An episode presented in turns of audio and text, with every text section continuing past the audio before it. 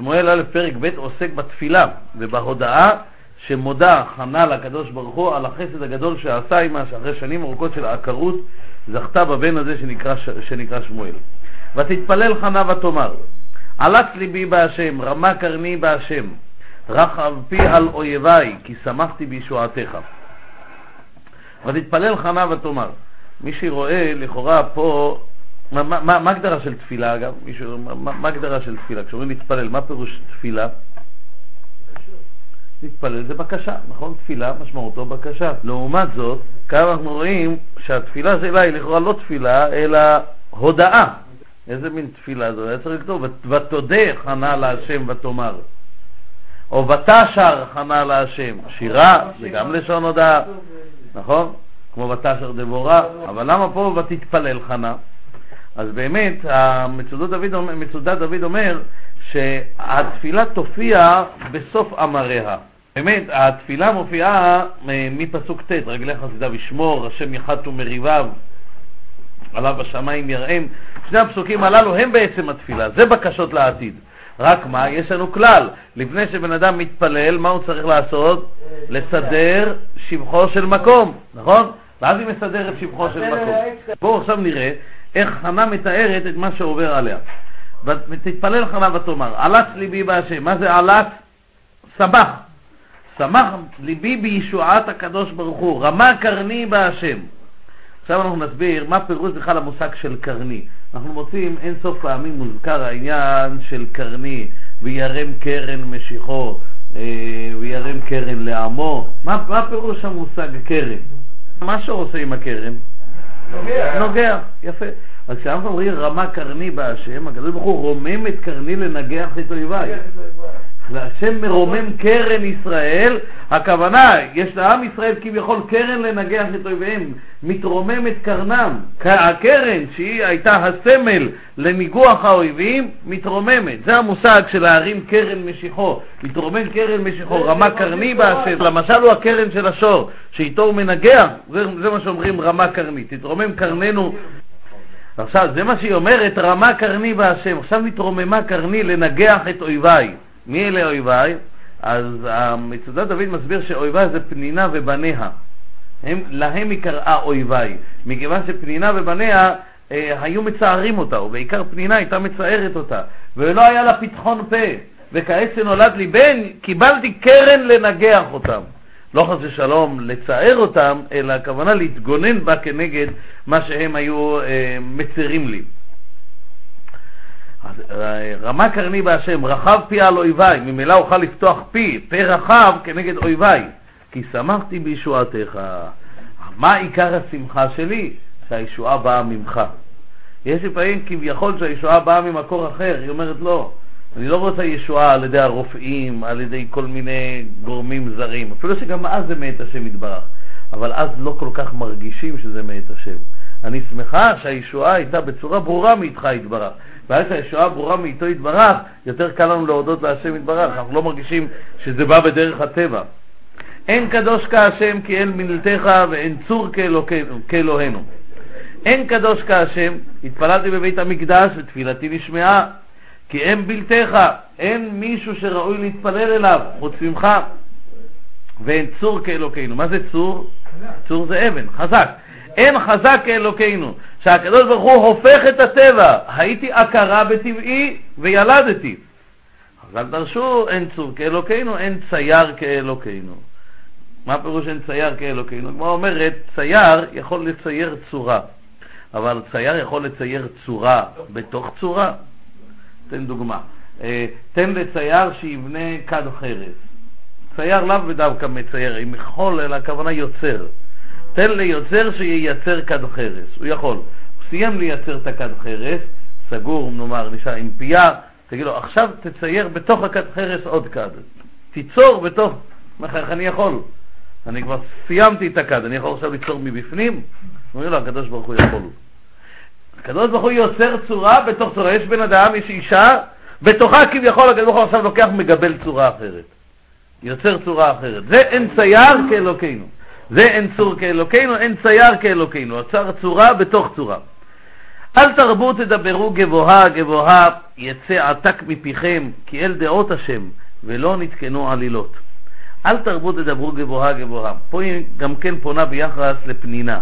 פנינה הייתה מתגאה עליה, ועליהם היא אומרת, אל תרבו לדבר גבוהה גבוהה בדרך של גאווה, יצא עתק מפיכם.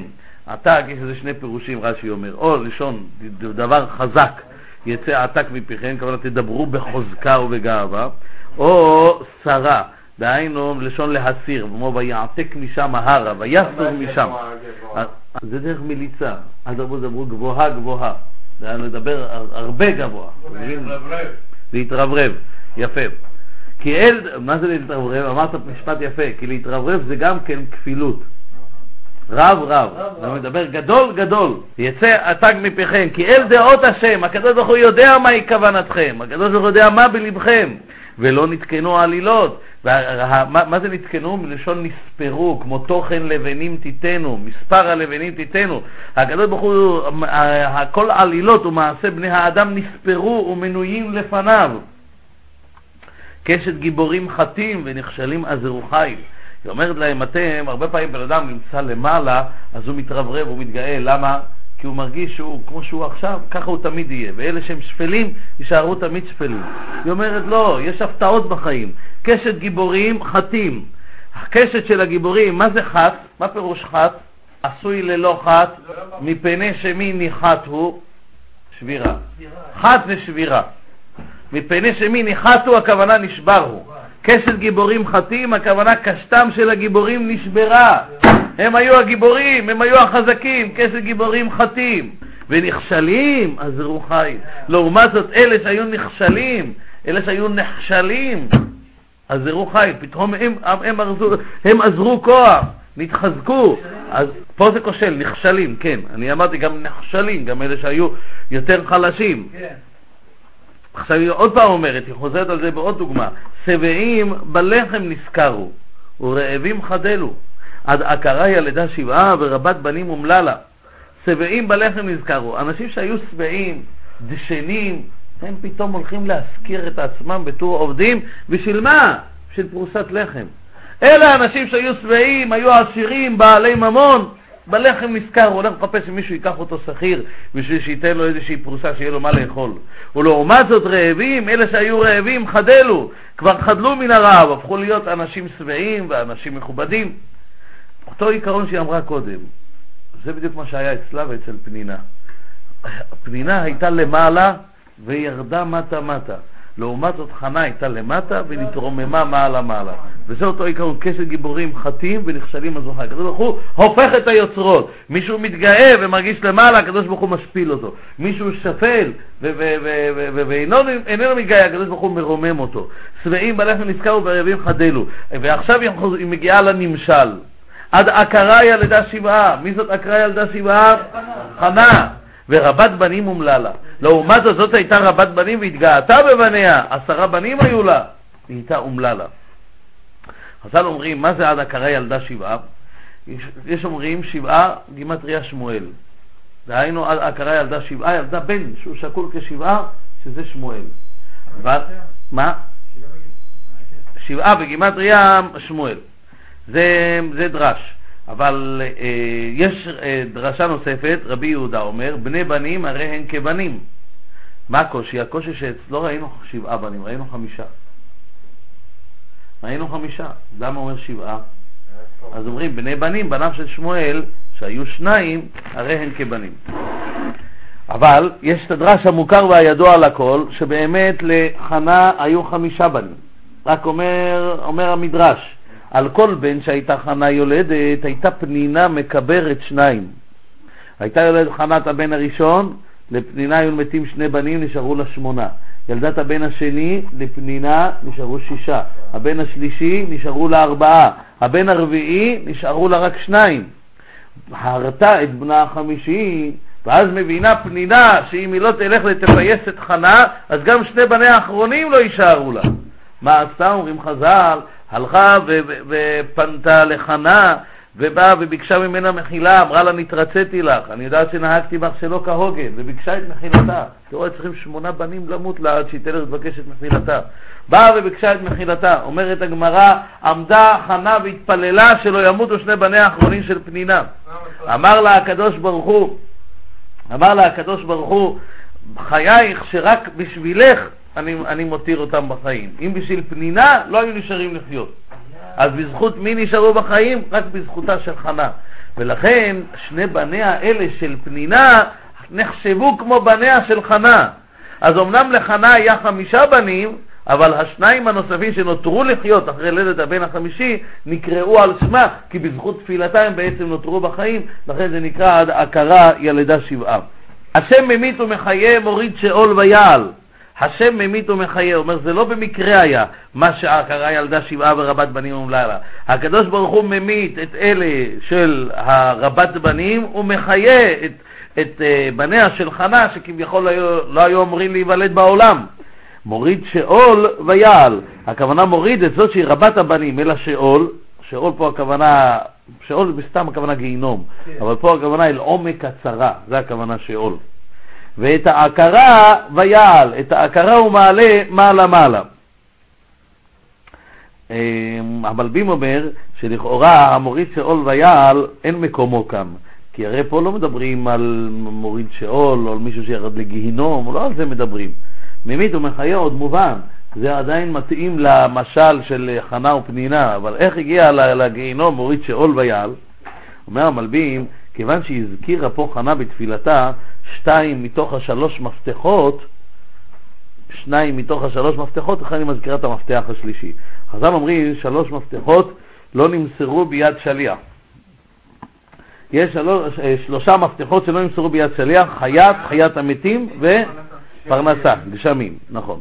חיה, הכוונה לידה, לידה זה בעיתו יתברך.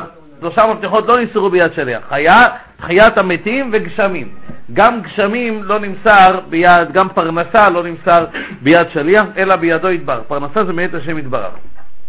אז פה הזכרנו את החיה, הזכרנו את הלידה, הקדוש ברוך הוא הביא את הלידה על ידה, לא הייתה אמורה ללדת. הזכרנו פרנסה, שבעים בלחם נזכרו, פרנסה גם מאיתו יתברך. כיוון שכך, אז היא חותמת בדבר השלישי, שמהו חיית המתים. מוריד שאול ויעלו. הקדוש ברוך הוא הורג בן אדם וגם מחיה את המתים. מעלה מן השאול ומחיה אותו. השם מוריש ומעשיר, משפיל אף מרומם. הקדוש ברוך הוא מוריש, הכוונה מעני, ואחרי זה מעשיר את האדם. משפיל אותו ומרומם אותו כשירצה. ולכן לא ראוי לעשיר להתגאות, כי אם הקדוש ברוך הוא ירצה ברגע אחד, אז אתה תוכל להיות עני. אז זה מה שהוא אומר, השם מוריש ומעשיר, משפיל אף מרומם. לא, לא, לא רק, כמו שראינו לפני כן, שהשבעים נזכרים בלחם ורעבים חדלו, אלא הקדוש ברוך הוא משפיל את מרומם, הכוונה את זה משפיל, ואת השני שהיה שפל לו, הוא יכול להיות היה עובד אצלו אפילו, הוא מרומם אותו מעליו, הוא פתאום נהיה הבוס שלו, הוא פתאום נהיה זה שבדרגה, שהוא זה שנותן לו את הפקודות. מקים מעפר דל, מאשפות ירים אביון, להושיב עם נדיבים, וכיסא כבוד ינחילם. כי להשם מצוקי ארץ וישת עליהם תבל. מי שהיה דל, נבזה, שפל, הקדוש ברוך הוא מקים ומרומם אותו. מאשפות ירים אביון, אשפות זה כמובן המקום הכי שפל.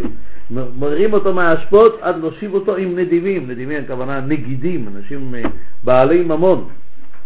וכיסא כבוד ינחילם, יכובדו בעיני הבריות, כי להשם מצוקי ארץ וישת עליהם תבל. הקדוש ברוך הוא, יסודות הארץ הם שלו. ועליהם הוא השתית את העולם, אז ממילא אין מי יאמר לו מה תעשה ומה תפעל.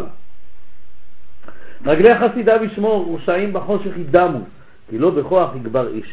רגלי חסידיו ישמור, דהיינו בא ואומר, דע לך שהכל במשפט, אין שום דבר שנעשה שלא כדין. הקדוש ברוך הוא שומר את רגלי חסידיו, והרשעים בחושך ידמו. כאשר תתמלא שעתם, יבוא איתם במשפט, כי לא בכוח יגבר איש. זה לא תלוי בכישרון האדם, במעשה האדם, אלא זה רק ביד השם. לא על ידי כוח, על ידי ממון, על ידי שררה, לא, אלא רק על ידי רצונו יתברך. השם יחתו מריביו, עליו בשמיים יראם. השם ידין אפסי ארץ וייתן עוז במלכו וירם קרן משיחו. בזה היא מסיימת את התפילה שלה, שבעצם הפסוק האחרון בעיקר הוא התפילה, הוא הבקשה. השם יחת ומריביו. מי זה מריביו? מי רב עם השם? אומרים חז"ל, מי שרב עם ישראל הוא רב עם השם. זאת אומרת, מי שרב, מי שנלחם כנגד הצדיקים או כנגד עם ישראל, נלחם כנגד הבורא יתברך. עליו בשמיים יראם, הקדוש ברוך הוא יעשה רע משמיים לבהל אותם. על מה זה מדבר? אומרים שהיא התפללה על, אנחנו נראה שלשמואל הייתה מלחמה, בפרק ז' נראה שלשמואל הייתה מלחמה עם פלישתים, ובמלחמה הזאת כזו שהשם הרעים עליהם בקולו משמיים. השמיע עליהם רעמים נוראים, מפחידים, בומים אלכוהוליים. הם נבהלו, ברחו. אז זה עליו השמיים יראם. השם ידין נפשי ארץ. ידין נפשי הארץ, הכוונה, התפללה שבנה שמואל יהיה דיין בכל רחבי קצווי הארץ. וכך באמת היה.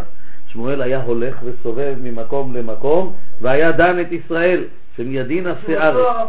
תשובתו הרמתה כי שם ביתו. דהיינו, אחרי שהיה סיים את הסיבוב, היה שב לביתו. השם ייתן עוז למלכו וירם קרן משיחו. מה זה ייתן עוז למלכו? כידוע, כמה מלכים המליך שמואל? שניים, נכון? את אה, שאול ואחרי זה דוד. השם ייתן עוז למלכו. מי זה מלכו? זה המלך הראשון, זה שאול, ייתן לו עוז. וירם קרן משיחו. דוד. למה היא אומרת וירם קרן משיחו? חז"ל אומרים, ותתפלל חנה ותאמר, רמה קרני בהשם. אומרים חז"ל, מה זה רמה קרני? רמה קרני ולא רמה פחי. מה זה פחי? הפח שלי. כידוע, נמשכו שני מלכים בישראל. שאול נמשל עם פח השמן, לעומת זאת, דוד נמשך עם קרן. מה ההבדל ביניהם? חז"ל אומרים, הפח זה מחרס, נשבר. הפח נשבר ואנחנו נמלטנו. זה שם פח, זה פח, לא משנה. הפח זה, זה מחרס, הוא נשבר. לעומת זאת, הקרן היא קשה מאוד, שובר, השופר הוא קשה מאוד, הקרן היא קשה. רמה קרני בהשם ולא רמה פחי. על ידי מה יתרומם שם השם? על ידי הקרן. המלך שימשך בקרן, הוא יהיה מלך לתמיד, לעולם. לעומת הקרן... גם בורא עולם לא יכול לדעת למה יש לו בחירה. לא, לא, לא, לא, זה לא נכון. זה לא נכון מה שאתה אומר. זה לא נכון, לא נכון. תן שאני אסביר לך, אתה שואל אני אסביר לך, אבל זה לא נכון מה שאתה אומר.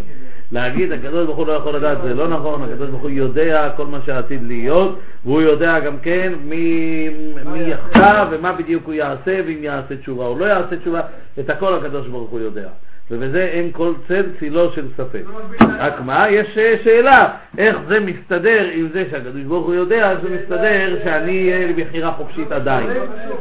זה שאלה בפני עצמה, וזה לא, לא ניכנס לזה. הוא יודע מה יהיה אם במצב שתתגבר מה יהיה במצב לא, לא, לא. אתה הפכת את בורא עולם למוגבל. לא. ודאי שכן. כי אתה אומר, בורא עולם לא יודע בפועל מה הוא יעשה. הוא יודע מה יקרה אם הוא יעשה. אז בורא עולם יודע מה הוא יעשה או לא יודע?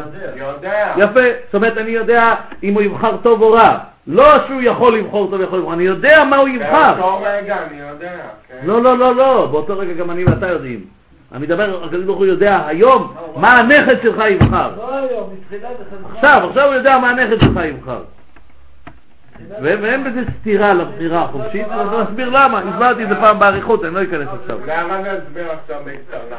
אז בעצם הרמב"ם שואל את השאלה הזאת, והרמב"ם כותב אין ידיעתו כידיעתנו, ואצל הקדוש ברוך הוא אין הידיעה מכריחה את המעשים וכולי, והראב"ד כבר, אה, כבר תוקף את, הרב, את, הר, את הרמב"ם וכותב עליו שלא נהג מנהג החכמים זה, כך הוא כותב על הרמב"ם, שאם הביא, אם הייתה לו קושייה חזקה, אז למה הבאת את הקושייה אם אין לך תשובה מספקת עליה? כי הרמב"ם כותב שאת הדבר הזה לא יבינהו שכל אנוש. אדם לא יכול להבין אותו. אז הוא אומר, אז עדיף היה שהיית שותק. למה אתה מביא את הקושייה ולא מביא עליה תשובה מספקת?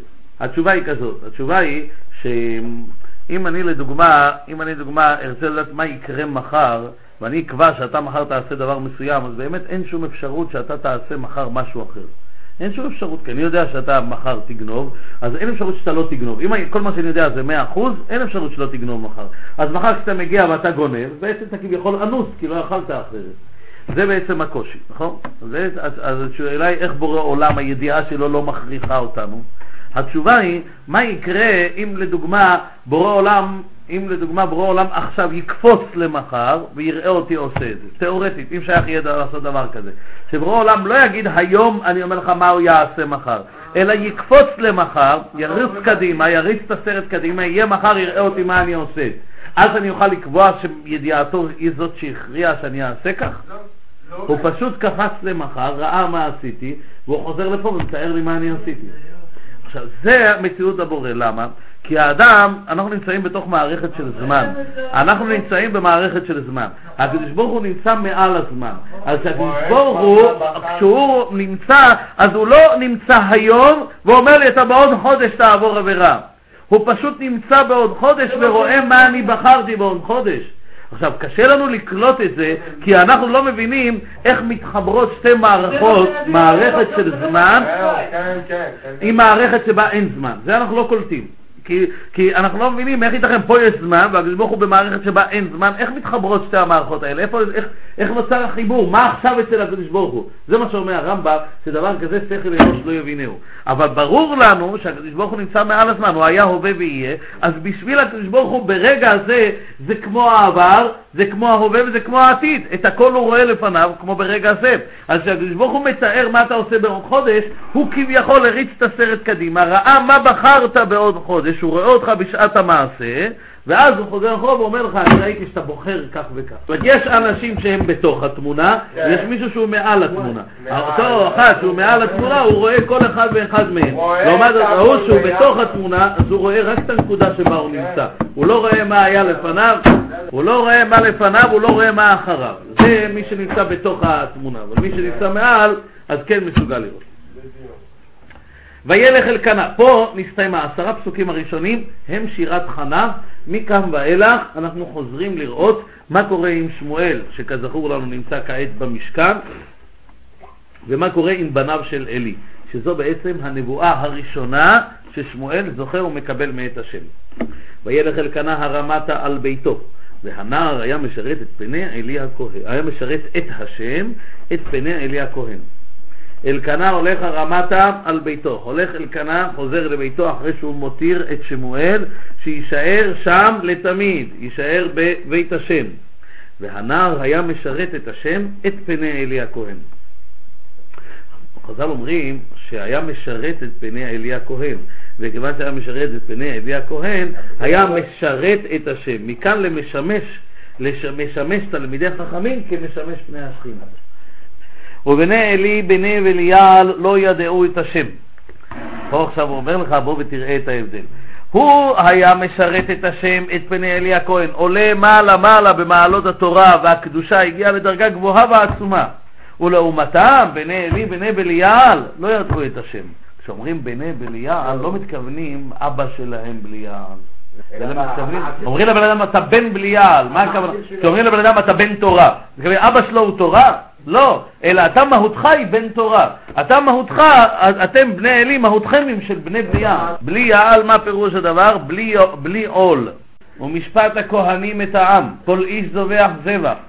ובא נער הכהן, כבשל הבשר והמזג שלוש השיניים בידו, והיכה בכיור, או בדוד, או בקלחת, או בפרור, כל אשר יעלה המזג ייקח הכהן בו.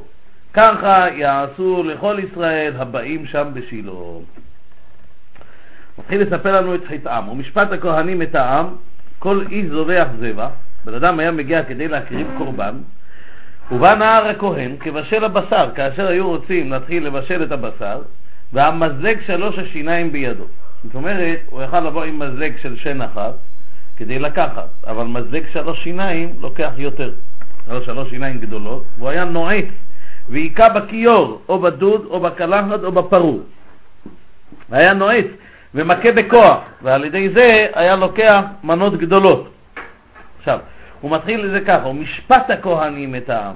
מה פירוש משפט הכהנים את העם? הם לא לקחו באקראי, אלא הם עשו משפט חדש, עשו חוק חדש שצריך לתת לכהנים הרבה מעבר למה שהתורה ייעדה להם. זה הכוונה הוא משפט הכהנים את העם. עשו לעם חוקים חדשים כמה צריכים הכהנים לקחת. וזה הוא אומר לך, ונער הכהן. לא היה הכהן לוקח בעצמו, שזה הדרך המכובדת שהכהנים באים ליטול את מנתם. היה שולח את הנער שלו. זה משהו כמו גובה. כמו גובה, שהגובה ילך לקחת, אתם מבינים? כן, שהוא, במקום שהכהן ילך לקבל משולחן גבוה, הוא הרי אתה מקבל משולחן השם, תיגש תקבל משולחן השם, לא, שולח מישהו שילך לגבות ממנו את מה שמגיע לו. זה היה לוקח כמות גדולה. עכשיו, למה הוא צריך להזכיר לי פה את כל שמות הכלים? כיור, דוד, קלחת, פרור. קודם כל צריכים לדעת שהשמות הללו הם, הם שמות של כלים כפי הגודל שלהם. הכיור זה הכי גדול, פחות מזה זה דוד, פחות מזה זה קלחת, שכולם זה שמות של כלים, זה כהן אה, גיגי, ופחות מזה זה פרור. פרור זה כהן, זה סיר קטן יותר. עכשיו, אומר המלבין, מן הראוי היה שכפי גודל הזבח, כך יהיה גודל הלקיחה של הכהן, וכפי מיעוט הזבח כך תהיה מיעוט הלקיחה. זאת אומרת, אם, אם האדם מקריב נגיד שור שהמשקל שלו נגיד הוא טון, אז נגיד הכהן יקבל מתוך זה, נגיד, נגיד יקבל מתוך זה עשר קילו נאמר. אבל אם הוא יקריב כבש שהמשקל שלו נגיד הוא רק 100 קילו, אז לא הגיוני שיקבל את אותם 10 קילו. זה אין, אין, אין יחס. או אם הוא יקריב גדי או משהו שהקורבן שלו 50 קילו, אין היגיון שהוא גם כן ייקח 10 קילו. אתה תיקח את אותה כמות מהגדול ומהקטן? זה לא הגיוני. אומר המלביד, זה מה שבא עכשיו הנביא לספר לך. שהם לא לקחו לפי ערך הזבח, אלא היו לוקחים, זה לא משנה, אם זה היה כיור, גדול, או דוד, או קלחת, או פרור, כל אשר יעלה המזג ייקח הכהן. לא נהגו ביחסיות, כשזה גדול תיקח גדול יותר, כשזה קטן תיקח קטן יותר. תמיד היו לוקחים, לא מעניין אותי בקיצור כמה אתה הבאת לקורבן, אני את שלי תמיד לוקח. וגם לא היה ראוי שישבו בין האנשים, מהעשיר אפשר לקחת יותר, מהעני, הרי, הרי יש קורבנות שבהם האדם עצמו מקבל חלק מן הבשר, נכון? כמו קורבן שלמים. אז מן הראוי היה שמהעשיר אתה יכול לקחת יותר, מהעני תיקח פחות. לא, כך היה עשו לכל ישראל, בהשוויה מלאה. כולם היו שווים שם בפני החוק, כוונה לא שווים, כן? וגם בטרם יקטירון את החלב, ובנער הכהן ואמר לאיש הזובח, תנה בשר לצלות לכהן, ולא ייקח ממך בשר מבושל, כי אם חי. עוד מעילה שהם היו עושים, הרי היה מותר לקחת אחרי הקטרת החלב, והם היו מגיעים לקחת לפני הקטרת החלב, ולמה? כי אם הוא היה בא אחרי הקטרת החלב זה כבר היה נמצא בסיר וכבר התחיל להתבשל. הוא היה בא לו סטייקים, אתם מבינים? הוא רוצה צלוי, בא לו על האש, הוא לא רוצה לאכול אה, מבושל, אז הוא היה בא לפני שהכניסו את זה בכלל בדוד, זאת אומרת בכלל לפני שהקריבו את זה להשם. הוא אומר, תנה בשר לצעוד לכהן, תביא לי בשר עכשיו חי, ולא ייקח ממך בשר מבושל כי אם חי. הוא אומר לו, בעצם כדאי לך להביא לי את זה כך, כי אם לא, הוא ייקח ממך בשר מבושל. למה כדאי לך לתת חי? כי פה אתה נותן. בבשר מבושל אני כבר אבוא עם המזלג, אקח כמה שאני רוצה. אז כדאי לך לתת חי, סיבה אחת. סיבה שנייה, במבושל, אתה טורח כדי לבשל אותו. אם אתה טורח כדי לבשל אותו, בעצם יוצא שאתה השקעת ואני אוכל. אומר ככה אתה מביא חי, בלי להשקיע. אז הוא אומר לו, כדאי לך לתת בשר חי. ולא היה מוכן לחכות עד שיקטירו את החלב. זאת אומרת, הרי מהי הקטרת החלב? החלבים זה קורבן השם. אז אומרים לך, בוא קודם כל נקטיר את קורבן השם, אחרי זה תיקח אתה. מה, אתה רוצה לקחת לפני הבורא? אני הבאתי את זה קורבן. וזה מה שהוא אומר לו. ויאמר אליו האיש, כתר יקטירון כיום החלב, וקח לך כאשר תאווה נפשך. ואמר לו, לא, כי אתה תיתן, ואם לא, לקחתי בחוזקה. הבן אדם היה מסרב, היה אומר לו, לא רוצה, אל תחסוך לי. אני רוצה קודם כל להקריב קורבן השם, ורק לאחר מכן, אחרי שנקריב את קורבן השם, רק לאחר מכן תיקח את מה שאתה רוצה. הוא אומר לו לא, בשום אופן. הוא אומר, אתה תיתן. הוא אומר לו, האיש כיום, יק, כיום אה, יקטירון כיום החלב. מה הוא מתכוון להגיד לו כיום? אתה לא צריך לחכות לעוד חודש. עכשיו, עכשיו, תמתין כמה דקות, עוד מעט יקטירו את החלב, תיקח. דהיינו, סבלנות. לא, לא, לא, אומר לו. אמר לו, כי אתה תיתן, אני לא מוכן לחכות. ואם אתה לא תרצה לתת מרצון, אני אקח בחוזקה. ותהי חטאת הנערים גדולה מאוד את פני השם, כי ניאצו האנשים את מנחת השם. חטאת הנערים הייתה גדולה מאוד. המלבי מסביר למה, למה הוא קורא לזה חטאת, למה הוא לא קורא לזה עוון, ויהי עוון הנערים גדול מאוד, למה הוא מכנה את זה בשם חטאת? אומר המלבים, כי באמת היה מותר להם לקחת בשר, לצלות אותו לפני הקטרת החלבים, אבל היה אסור להם לאכול אותו לפני. האכילה לפני הקטרת החלבים אסורה. הנטילה לפני הקטרת החלבים, זה עצמו היה מותר.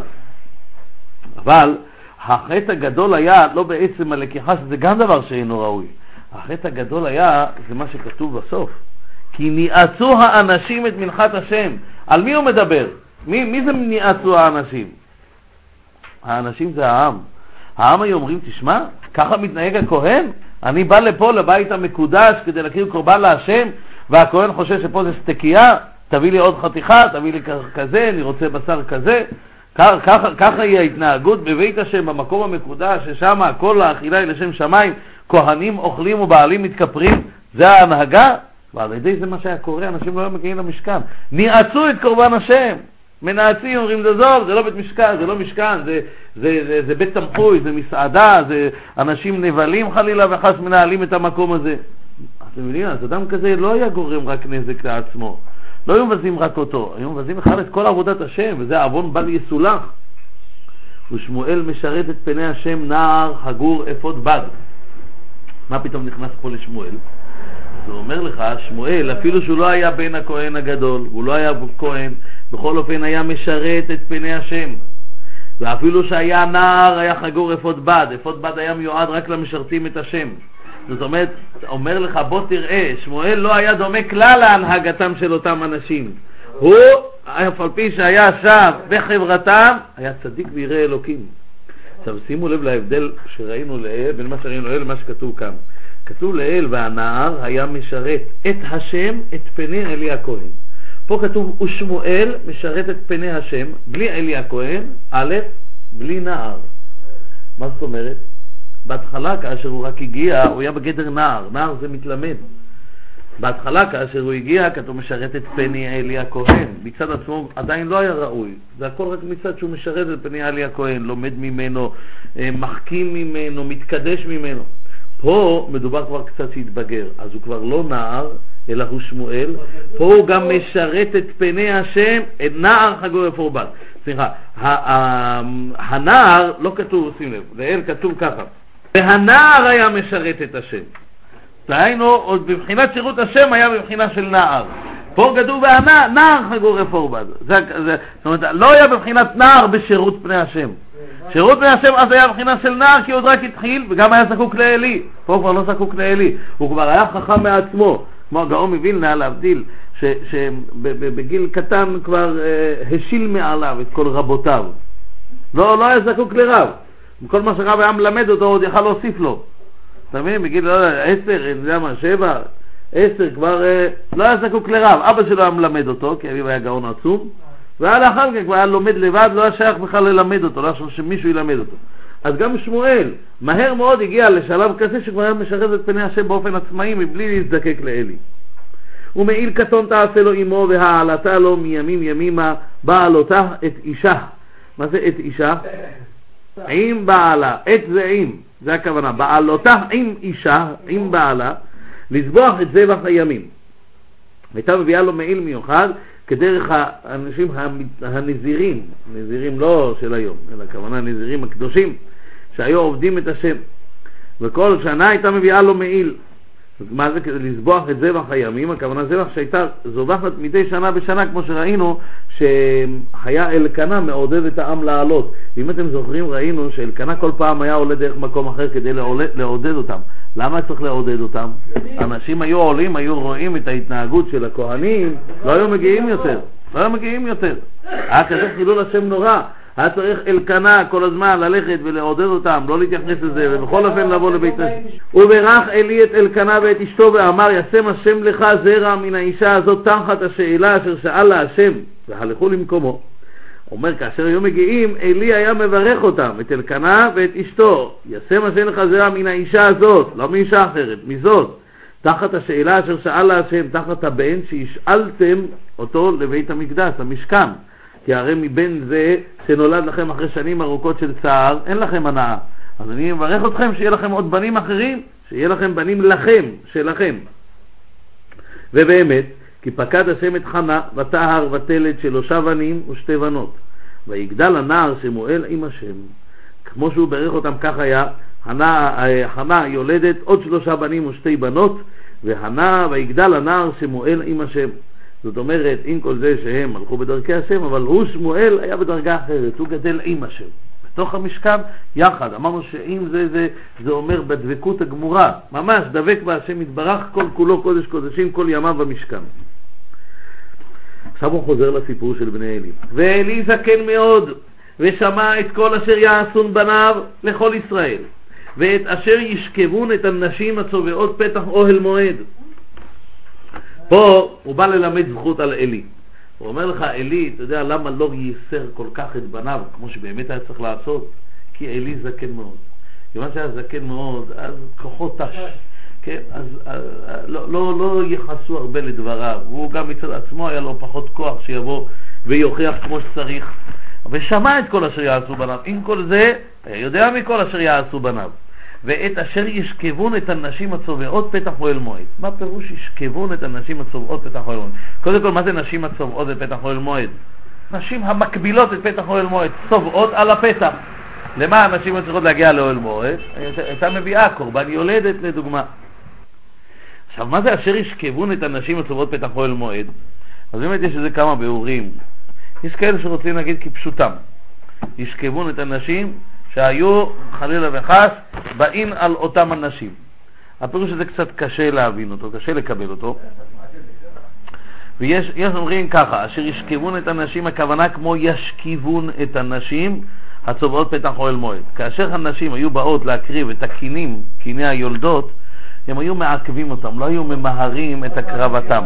ועל ידי זה היו משכיבים אותם פתח אוהל מועד, הכוונה נותנים להם לחכות. היו נאלצים לחכות מהיום למחר, זה נאלצים לשכב לישון שם. עכשיו, למה, למה באמת הם היו עושים את זה? מה האישה הייתה מקריבה? קינים, נכון? אין בזה הרבה אוכל. אה, בא מישהו עם שור, אומר לה, גברת, גברת, תמתיני בבקשה, יש פה אנשים שהם קודמים, כן, מכניסים אותו, עוד אחד מגיע עם עגל, ההוא מגיע עם כבש, או זה, היא באה עם השתי יונים שלה, לא, תחכי, תחכי את, אל תחכי. ואז ישכיבון את הנשים, היו משכיבים אותן לישון שם. עכשיו, יש אומרים שה"וישכיבון את הנשים" גרם לכך שבאו לפעמים לידי דבר עבירה, כך אומר המלבים. למה? מכיוון שהיו נשארים שם לישון בחוץ, או באותו מקום, ועל ידי זה בלא בעליהם, ואז היו גם אנשים שהיו שם, ועל ידי זה הגיעו לפעמים לדבר עבירה. והרי תפקיד הכהנים היה לקדש את העם, ולא חלילה וחס לעשות כדברים האלה. פירוש נוסף. אשר ישכבון את הנשים, הכוונה, כיוון שהאישה באה להקריב את קורבנה ולשוב לביתה, בזה שהוא מעכב אותה על ידי זה, היא לא שבה לביתה, וממילא מבטלים את בעליהם מפריה ורבייה. העלה עליהם הכתוב כאילו, כאילו שכבום. למה? זה שביטלו את בעליהם מפריה ורבייה. בכל מקרה, העניין הזה היה חמור מאוד. ויאמר להם, למה תעשון כדברים האלה, אשר אנוכי שומע את דבריכם רעים מאת כל העם האלה. הוא בא מוכיח אותם משני פנים. א', על הצד שבאמת כל מה שאומרים זה נכון. למה תעשון כדברים האלה? עכשיו, אתם אולי תטענו, תגידו, מה פתאום? זה לא אמת, זה לשון הרע. הוא אומר להם, אשר אנוכי שומע את דבריכם רעים מאת כל העם האלה. אומר להם, תגידו לי, הייתכן שזה דבר שקר וכולם מספרים עליכם? אין עשן ולא אש. אם כולם מספרים, כנראה שיש בזה מן האמת. אז בצד הראשון אומר לי, למה תעשו את הדברים האלה? ואם תנסו להצטדק להגיד זה לא אמת, אני שומע את דבריכם רעים מאת כל העם האלה. כולם כך מספרים, כולם כך מדברים. על בניי, כי לא טובה השמועה אשר אנוכי שומע מעבירים עם השם. אומר להם, על בניי, לא טובה השמועה. אפילו אם תגידו, לא, זה רק שמועה, זה לא בדיוק אמת, זה לא ממש כמו שמספרים. אומר להם, אשר, לא טובה שמועה אשר אנוכי שומע, מעבירים עם השם, מעבירים הכוונה, מספרים עם השם. אומר להם, גם אם זה לא מאה אחוז כמו שהעם מספרים, אבל איזה חילול השם נורא יש בזה, כי ככה כולם מדברים, ואם כך כולם מדברים זה חילול השם נורא, זאת אומרת שאתם לא בדיוק מקפידים לשמור את הכל כמו שצריך, ולכן מספרים עליכם, אז גם אם זה לא כצעקתה, אבל חילול השם הוא נורא, מעבירים עם השם. הוא אומר להם, מה הוא שומע? מה העם אומרים? אומר, מה אומר לו, אני שומע שהעם אומרים? אם יחטא איש לאיש ופיללו אלוהים, ואם להשם יחטא איש, מי יתפלל לו? ולא ישמעו לכל אביהם, כי חפץ השם אמיתם. אומר להם, אני שומע מעבירים עם השם, עם השם אומרים כך, דברים בוטים כמדקירות חרב. הם אומרים, איך ייתכן? אם יחטא איש לאיש ופיללו אלוהים. אומרים ככה, הרי אם יש לבן אדם איזשהו, איזשהו חטא, מה הוא עושה? הוא הולך אל הדיין, נכון? הוא הולך אל השופט או אל הדיין, אם זה חטא בענייני ממון, אם זה חטא, בינו לבין השם, אז הוא הולך למשכן כדי שהכהן, אלוהים פה זה לשון חשיבות, גדלות, נכון? אשר ירשיעון אלוהים, והולך לכהן, והכהן מקריב עליו קורבן כדי לכפר עליו, כדי לכפר עליו. הוא אומר לו, ועתיים להשם יחטא איש, אומר להם, אם השם יחטא איש מי? הכהן עצמו, אם הוא יחטא להשם, מי יתפלל לו? מי יתפלל לו? הכוונה היא, מי ידון אותו? מי יקריב עליך קורבן? כאשר אני חוטא, אז אתה מקריב עליי, אבל כשאתה חוטא, מי עליך יקריב? זה מה שאנשים אומרים, בעצם באים לטעון, זה אמור לכפר עליי? מי יכפר עליו? באותה טענה, כן, כמו שפות השופטים, זה אמור לשפוט אותי? איפה הצדק אצלו? הבג"ץ תמיד מבקש שקיפות, שבהכל יהיה שקיפות. אין דבר מחטא כמו אור השמש. מכירים את הביטוי הזה? תמיד רוצים להגיד שהכל צריך להיות שקוף, גלוי לשמש, בלי להסתיר, בלי כל מיני קומבינות מתחת לשולחן, נגמרו ימי מפא"י העליזים. זהו, צריך הכל פתוח, אין פתקים, שיטה זה, הכל גלוי, הכל עד לאן? עד בית המשפט. איך ממנים שופטים אסור גם לכתוב פרוטוקול. אסור, זה ועדה, יושבת ומתדיינת, לא כותבים גם פרוטוקול. זה בינינו, אנחנו נסגור את העניינים, שכל אלה למטה הם לא צריכים, שלא יתערבו, שקט, שקט, אנחנו פה אחראים, אנחנו כבר יודעים מה לעשות, אנחנו נדאג שהאג'נדה המתאימה יהיו. אז זה מה שהוא אומר, כשבן אדם יש לו טענה הוא הולך לשופט, אבל אם השופט הוא איש רשע ועוול, למי, למי, כנגד מי אני אגיש בג"ץ? למי אני אפנה? והנער שמואל, ולמה לא שמעו? אמרו, ולא ישמעו לקול אביהם כי חפץ השם להמיתם. הוא אומר, הם לא שמעו, לכאורה דברים שהוא אמר, לכאורה צודקים. למה הם לא קיבלו? כי חפץ השם אמיתם. תגידו לי, השם חפץ להמית מישהו? כי לא אחפוץ במות המת, אם בשובו מדרכו, וחיה. אז שואלים חז"ל, מה זה חפץ השם אמיתם? אומרים חז"ל, כאן קודם גזר דין, כאן לאחר גזר דין. קודם גזר דין, הקדוש ברוך הוא אומר, אני לא רוצה לגזור עליו רע. אני רוצה שישוב בתשובה, אני רוצה לכפר עליו, אני רוצה לתקן אותו. זה קודם גזר דין. אבל לאחר גזר דין, אחרי שכבר השם ניסה והכל ודיברו איתו, לא עזר כלום. פה בשלב הזה אומר השם, פה כבר לא יעזור כלום. אז גם אם האדם ירצה להשתנות, כביכול מונעים ממנו. אצל מי ראינו את זה? פרעה. כך בדיוק ראינו אצל פרעה, כמו שאומר הרמב"ם. פרעה כבר יכל אחרי המכה החמישית לחזור בו. השם לא נתן לך צ'אנס, לא ניצלת אותו, עכשיו תקבל את כל מה שמגיע לך. פה כביכול שללו מהם את הבחירה, למה? כי חפץ השם אמיתו. תשובתו של האדם, גם אם הוא שב, בגלל שהוא עכשיו נמצא בתוך סיר רותח, ואני יודע מה, ועומד למות. אפילו עד דכדוכה של נפש. גם אם הוא נמצא ברגעים האחרונים שלו והוא שב בתשובה, הקדוש ברוך הוא מקבל. ותאמר שובו בני אדם. תשב לנו דקה ותאמר שובו בני אדם. אבל לפעמים יש מצב שבו הבן אדם מרבה להרשיע, ואז הקדוש ברוך הוא אומר, חייבים פה בעולם הזה לראות את העונש שלו, כדי שזה עצמו יהווה חיזוק. זה עצמו שרואים, אדם שנהג ועשה מעשה עוולה, מעשה עוולה מקבל את עונשו, זה עצמו יהווה חיזוק לעם. וזה באמת מה שאומר הרב דסלר. הרב דסלר אומר, צריך לדעת שהעולם נועד כדי שיתקדש יתקדש שמו יתברך בעולם. זה המטרה של יצירת העולם. הוא אומר עכשיו, המטרה הזאת בכל אופן תושלם. הן ברצוננו והן נגד רצוננו. איך? אומר הרב דסר, אם אנחנו נעשה רצון השם, יתקדש שם שמיים בעולם. כולם, כמו בתקופת שלמה, כולם הגיעו לפה לשם החוכמת שלמה, ראו איזה מלכות מתוקנת, ראו את עם ישראל, כולם יושבים בנחת ובהשקט, עוסקים בתורה, קדושה, מעלה עליונה, בית מקדש, שכינה שורה. אז כולם הגיעו למה? לאמונה בהשם. איך? על ידי זה שעשינו רצון השם. כשלא עשינו רצון השם, אז מה קרה? חטפנו מכות, אז נחר בית המקדש. והעבר הנוכרי, הגוי אשר יבוא מארץ רחוקה, ישרוק וישום. על מה עשה השם ככה לארץ הזאת? מה חורי האף הגדול הזה? אין זה כי אם עזבו את, את, את מצוות אבותם. מה קרה? הגוי הגיע, עוד פעם, הוא גם הגיע לאמונה. גם התקדש עם שמיים, אבל איך? על הגב שלך. על המכות שחטפת. שם שמיים בכל מקרה יתקדש. או על ידי שתעשה רצון השם ותקבל שפע, או על ידי שאתה לא רוצה לעשות רצון השם, תחטוף מכות, ואז יתקדש שם שמיים, שכולם יגידו מה קרה לעם היהודי דווקא ככה. תשמע, היסטוריונים עומדים ונפעמים מול מה שקורה לעם היהודי. פשוט נפעמים מה שקורה לעם היהודי. מצד אחד, אין עם נרדף כמו העם היהודי. ואין לזה שום הסבר טבעי והגיוני. מרק טוויין כתב על זה, הוא אמר, הוא אמר שהעם היהודי זה עם שקיים לנצח, עבר את כל הצרות הכי קשות, כל האומות ניסו למגר אותו, לדלל אותו, להרוג בו, לטבוח בו, פרעות, אינקוויזיציות, מה לא עבר העם היהודי? ועם כל זה העם היהודי עדיין חי וקיים, ועל אף כל הסבל שהוא עושה, שהוא עובר, אתה רואה שהעם היהודי עדיין שורד. אז הגוי רואה, הוא, יש פה תופעה, הוא לא יכול להתעלם ממנה. יש כאן תופעה שנקרא העם היהודי. העם היהודי זה סיכה, סיכה בגלובוס. תיקח את כל הגלובוס, תסתכל על ארץ ישראל, זה סיכה קטנה. היא תופסת 70% מהדורות החדשות בעולם. כמה, מה אנחנו? רוב, 80% או 90% של החלטות מועצת הביטחון נוגעות לישראל. אנשים שואלים, מי זה ישראל? איפה ישראל? מתחילים לחפש אותו, לא מוצא, הלך לו לאיבוד בגלובוס. היהודים, מה זה? זה מיעוט קטן, כמה אנחנו? שאנחנו 18 מיליון, 15 מיליון, 12 מיליון, זה דעות חלוקות. בוא נגיד 15 מיליון. אתה יודע מה זה 15 מיליון? זה לא כפר קטן בסין, כפר קטן. מה עושים כל כך הרבה רעש? הגוי שאומר, אומר, שמע, זה לא, זה לא, העם הזה לא סטנדרטי. אין, הוא יש לו חוקי טבע אחרים לעם הזה. זה ברור שיש לעם הזה משהו עם בורא עולם. אין, זה לא סתם עם. והסבל שהם עוברים, זה ברור, ברור. פעם שאלו, פעם השר הסיני פגש את השגריר הישראלי, אומר לו, כמה אתם? אתם עושים כך הרבה רעש בעולם, כל הזמן שומעים עליכם, כל הזמן מדברים עליכם, כל הזמן תמונות, פה, פה, פה עם ישראל והפלסטינים, פה ישראל ולבנון, פה ישראל והסורים, פה ישראל, חיזבאללה, פה זה, כל העולם סובלים בגללכם, הוא אומר לו, מה אל-קאידה רוצה מאמריקה?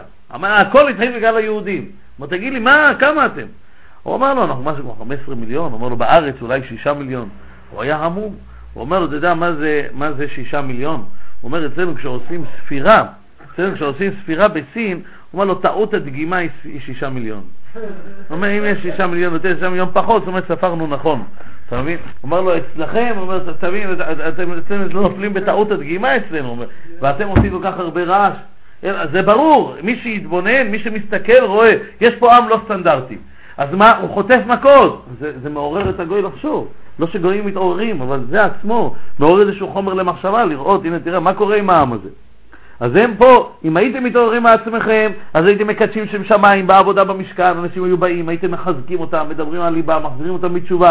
לא עשיתם את זה, אז על ידי המכות שאתם תחטפו, על ידי זה אנשים יקבלו מורה מן המשכן ומן המקדש, יגידו, הנה תראה, בן אדם שכך מעל, תראה איזה עונש, איך יד השם פגעה בו. והנער שמואל הולך וגדל וטוב גם עם השם וגם עם אנשים. זה לעומת זה.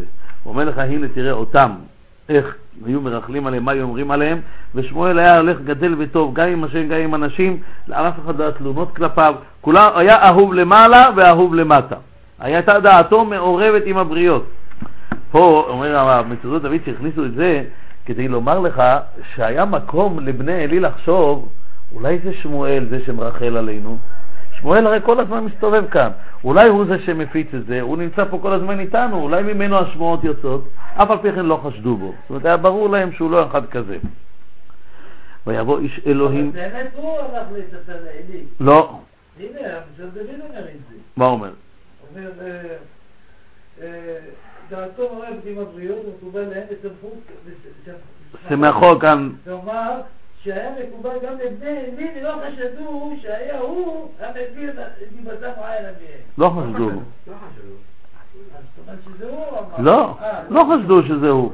זאת אומרת, היה ברור להם שזה לא... לא ככה? הוא יודע שהכל ממילא מגיע לאלי. שומע, כל העם מעבירים. השמועה אשר הולכים שם מעבירים עם השם. כולם אומרים. שפה כאילו אומר לא. ויבוא איש אלוהים אל אלי ויאמר אליו, כה אמר השם, לא נגליתי אל בית אביך בהיותם במצרים לבית פרעה. מגיע איש האלוקים זה אלקנה, ואלקנה היה נביא, כל מקום שמוזכר נביא ומוזכר שם אביו, מה זה אומר? שגם אביו היה נביא. אז אלקנה מגיע לאלי, אומר, כה אמר השם, לא נגליתי אל בית אביך בהיותם במצרים לבית, לבית פרעה. מי זה, מי זה אב בית אביך?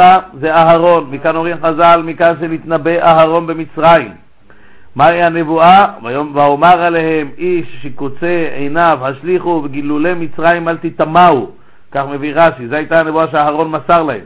הוא אומר להם, אתם יודעים איזה גדולה נתתי לכם, אני עוד לאבותיכם, לאהרון נגליתי במצרים. אבל לא הסתפקתי בזה.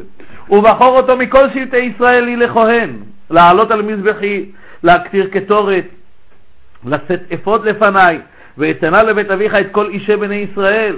בחרתי אותו, הוא השבט הנבחר, הוא זה שמקטיר על מזבחי, הוא נושא אפוד, אני נותן את זה לבית אביך ולכל אישי בני ישראל, כולם הוא אחראי על הכל.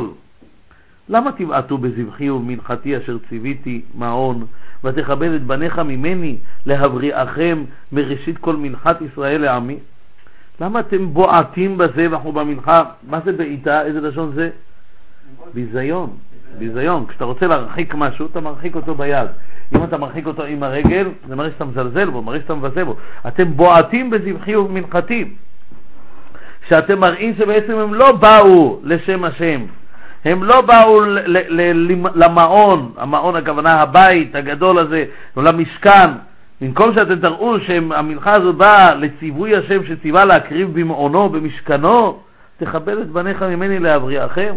אתה מכבד את בניך ממני שהם הם כביכול יותר מכובדים מהמנחה שלשמה בעצם הוקרבה שזה לשם הבורא והמטרה היא רק להבריאכם כשהכוונה להשמינכם ממנחת השם העיקר שיהיה לכם מה לאכול מראשית כל מנחת ישראל העמי. הרד"ק אומר לא כתוב להבריאם על בניו אלא להבריאכם כי אומר הרד"ק לא ייתכן שגם עלי עצמו לא נהנה ממה שהבנים לקחו. אז לכן זה נקרא להבריאכם כלל את עלי יחד עם זה לכן נאום השם אלוהי ישראל, אמור אמרתי, ביתך ובית אביך יתהלכו לפניי עד עולם. ועתה נאום השם, חלילה לי, כי מכבדיי אכבד ובוזיי יקלו. אומר לו הקדוש ברוך הוא, התוכנית המקורית הייתה, ביתך ובית אביך יתהלכו לפניי עד עולם, שאתם תהיו הכהנים הגדולים לתמיד. כל משפחת בני איתמר, הם ישמשו בכהונה הגדולה. אבל אומר הקדוש ברוך הוא, אתה נאום השם, חלילה לי, חלילה לי, מה זה חלילה לי? חול. חול הוא לי, ביזיון הוא לי, חלילה, חולין הוא לי, לבוא ולעשות דבר כזה, לש- להשאיר אתכם אמונים על בית השם, כי מכבדיי אכבד ובעוזיי יקלו. אומר הקדוש ברוך הוא, מי שכיבד אותי, אותו אני אכבד. מי כיבד אותו, אומרים חז"ל, זה פנחס בן אלעזר. הוא כיבד אותי כאשר הוא כינה את קנאתי, מסר את נפשו בשיטים. אז הוא כיבד אותי, אכבד, אני אכבד אותו, שמהם, מזרעו של פנחס בן אלעזר, תימשך הכהונה הגדולה מכאן ואילך. זה לא משלב זה, זה מימי שלמה, ששלמה גירש את אביתר, שלא יהיה כהן להשם, כיוון שהיה מזרע עלי, ואז התחילה הכהונה של צדוק, שהוא היה מזרע פנחס. שימו לב, מה כתוב כאן? כי מכבדיי אכבד ובוזיי יקלו. לא, איך היה צריך להיות כתוב, אם היינו רוצים לומר את המשפט הזה בשפה מדוקדקת? יפה. מכבדיי, אכבד ובוזיי אקל. נכון? לא כתוב כך. מכבדיי אכבד ובוזיי יקלו. מה זה יקלו? מעצמם. זאת אומרת שבן אדם מבזה את השם, הוא מעצמו מתבזה. מעצמו מתבזה. ולמה? זה כמו, אם, אם, אם יבוא בן אדם, נגיד, וידבר גנאי, להבדיל איפה ההבדלות, ידבר גנאי נגיד על הבבא סאלי. אז הוא צריך שהבבא סאלי יגיד עליו משהו, יקלל אותו, אה, זה, כדי להחזיר לו, כדי שהוא יתבזה? זה הביזיון הכי גדול, שאנשים שמעו אותו, אנשים, אחרי ששמעו ממנו כזה דבר, איך כולם מתייחסים אליו? כשפל אנשים. אדם רוצה, כמוהו, אדם רוצה לדבר על צדיק כזה גדול, אדם רוצה לדבר עליו כאלה דברים, זה מראה עליך עצמך. אז הוא לא צריך שיבזו אותו, הוא ביזה את עצמו בעצם מה שהוא עשה. זה מה שאומר הקדוש ברוך הוא, ובוזיי יקלו מעצמם, לא צריך שאני אבזה אותם. עצם זה שהם ביזו את השם, זה עצמו ביזיון הגדול ביותר בשבילם. הנה ימים באים, וגדעתי את זרועך ואת זרוע בית אביך מהיות זקן בביתך. אומר לו, ימים מגיעים ואני אגדע את זרועך ואת זרוע בית אביך. יש פה שלוש דברים. דבר ראשון אומר המלבים, כבודו יוטל ממנו, יינטל ממנו. דבר שני, יאבד את פרנסתו ועושרו. דבר שלישי, יתקצרו ימי בניו. שלושה עונשים, אה, שלוש עונשים שהוא קיבל, אה, שלושה עונשים ליתר דיוק. על הדבר הראשון הוא אומר, וגדעתי את זרועך מהיות זקן בביתך. זקן הכוונה שופט. כן? שבעים זקנים זה לא אומר שהם היו חטיארים. הם היו גדולים בחוכמה, זה הכוונה זקן. אומר לו, יהיה שופט וזקן ונשיא ישראל מבני אלי. עונש ראשון. זה לא יהיה זקן ובתיך, כבוד לא יהיה לכם. דבר שני, פרנסה. הוא אומר לו, והיבדת צר מעון, פסוק הבא, בכל אשר יטיב את ישראל, ולא יהיה זקן בביתך כל הימים. זאת אומרת, מה זה איבדת צר מעון? אתה תראה בתוך מעונך, דהיינו בבית המקדש, במשכן, את צרתך. מי אלה צרתך? אלה הכהנים האחרים שהם יהיו כהנים במקומך. אז אני הייתי פה, אני הייתי כאן מנהל, אני הייתי מקבל את כל הדברים. פתאום אני הופך להיות שולי, ויש פה מישהו אחר שלוקח את העניינים לידיים. והמקום נהיה לו צרה, כביכול. כמו הכניס צרתו לביתו, כך יהיה לך במעון, בבית השם. זה הדבר השני. אז פרנסתו תדלדל עד שנראה שהגיע למצב שאפילו אפילו לחם יתחנן כדי שייתנו לו. ודבר שלישי הוא אומר לו, לא יהיה זקן בביתך כל הימים. הכוונה לא יאריכו ימים מבני עלי, לא יאריכו ימים בחיים ארוכים. זה יהיה מידה כנגד מידה. כיוון שאתם אכלתם את הקודשים לפני הזמן, לפני שהקטירו את החלב, אז גם אתם תמותו לפני הזמן. ואיש לא אחריד לך מעם מזבחי, לכלות את עיניך ולהאדיב את נפשך, וכל מרבית ביתך ימותו אנשים. עכשיו הוא מסביר אותם. מה שהוא אמר לו, וגדלתי את זרועך, הוא אומר לו, ואיש לא, לא, לא אחרית לך מעם מזבחי. הכוונה, עדיף היה לו שאתם לא תהיו משרתים בבית המקדש, ואני יודע, מתחיל לחפש את uh, פרנסתך בשוק החופשי. הוא אומר לו, לא, אתה תהיה במשכן, אני לא אחרית לך מעם מזבחי, אבל אתה תהיה שפל ונבזה. זה הרבה הרבה יותר קשה, כמו שאמרתי, מאשר בכלל לא להיות במשכן. מה שהוא אמר לו, זה יהיה לך, להאדיב את נפשך. מה זה להאדיב את נפשך? להאדיב זה כמו להדאיב. כן. מה זה להדאיב? דאבון נפש, צער, נכון? עוגמת נפש. הוא אומר, זה יהיה להאדיב את נפשך, יהיה לך צער נורא שאתה תראה אחרים שהם עכשיו פה מנהלים. למשל, למה הדבר דומה? כמו לבן אדם שהיה מנהל חברה והיה נותן הוראות, ופתאום הוא נהיה שם זוטר, ההוא שהוא כל הזמן היה תחתיו, פתאום נהיה מנהל, והוא מתחיל לחלק לו הוראות. זה, זה עוגמת נפש גדולה, אנשים באופן טבעי לא עושים, לא נשארים שם. מה קורה כשעושים סבב מינויים במטכ"ל, אחד יהיה הרמטכ"ל, מה קורה לכל השאר? הולכים הביתה. אני אקבל ממנו הוראות, זה גדל איתי, מה אכלנו על אותו מסטינג, הוא פתאום יהיה הרמטכ"ל שלי? כל אלה שהיו עומדים להיות רמטכ"ל מתפטרים. אלא אם כן אומרים לו, שמע, בסבב הבא יש לך סיכוי, אז הוא מוכן להישאר, אבל בלי זה, אני הייתי איתו באותה דרגה, פתאום אני אקבל ממנו הוראות, הוא יהיה הבוס, הוא יהיה המנהל, זה דבר שקשה מאוד לאדם. ומה שהוא אומר לו, כנגד הדבר השלישי, שהוא אמר לו שלא יהיה זקן בביתך, הכוונה שימותו שם אנשים צעירים, הוא אומר לו שלא תחשוב שהם ימותו תינוקים, אלא הוא אומר לו הם ימותו כאנשים גדולים, ואז הצער הרבה יותר גדול. כשבן אדם חלילה חלילה וחס יפטר לו ילד בן חודשיים, זה לא דומה לאדם שנפטר ילד בן עשרים. הצער הרבה יותר גדול, הוא גדל אותו, השקיע בו, הוא נקשר אליו. אז הוא אומר לו, מרבית בך ימותו אנשים, לא ימותו כשהם תינוקים, אלא כשהם יהיו כבר אנשים. וצא לך אות אשר יבוא אל שני בניך אל חופני ופנחס, ביום אחד ימותו שניהם. כשתראה שיום אחד ימותו שניהם בבת אחת, חופני ופנחס, אז תדע שהנבואה הזאת מתחילה להתקיים. והקימותי לי כהן נאמן, כאשר בלבבי ובנפשי יעשה. ובניתי לו בית נאמן, והתהלך לפני משיחי כל הימים. כשהוא אומר, אני אקים לי כהן נאמן, זה יהיה בימי דוד, שצדוק נכנס תחתיו. והוא יהיה נאמן לאלוקיו, כאשר בלבבי ובנפשי יעשה. מה הכוונה?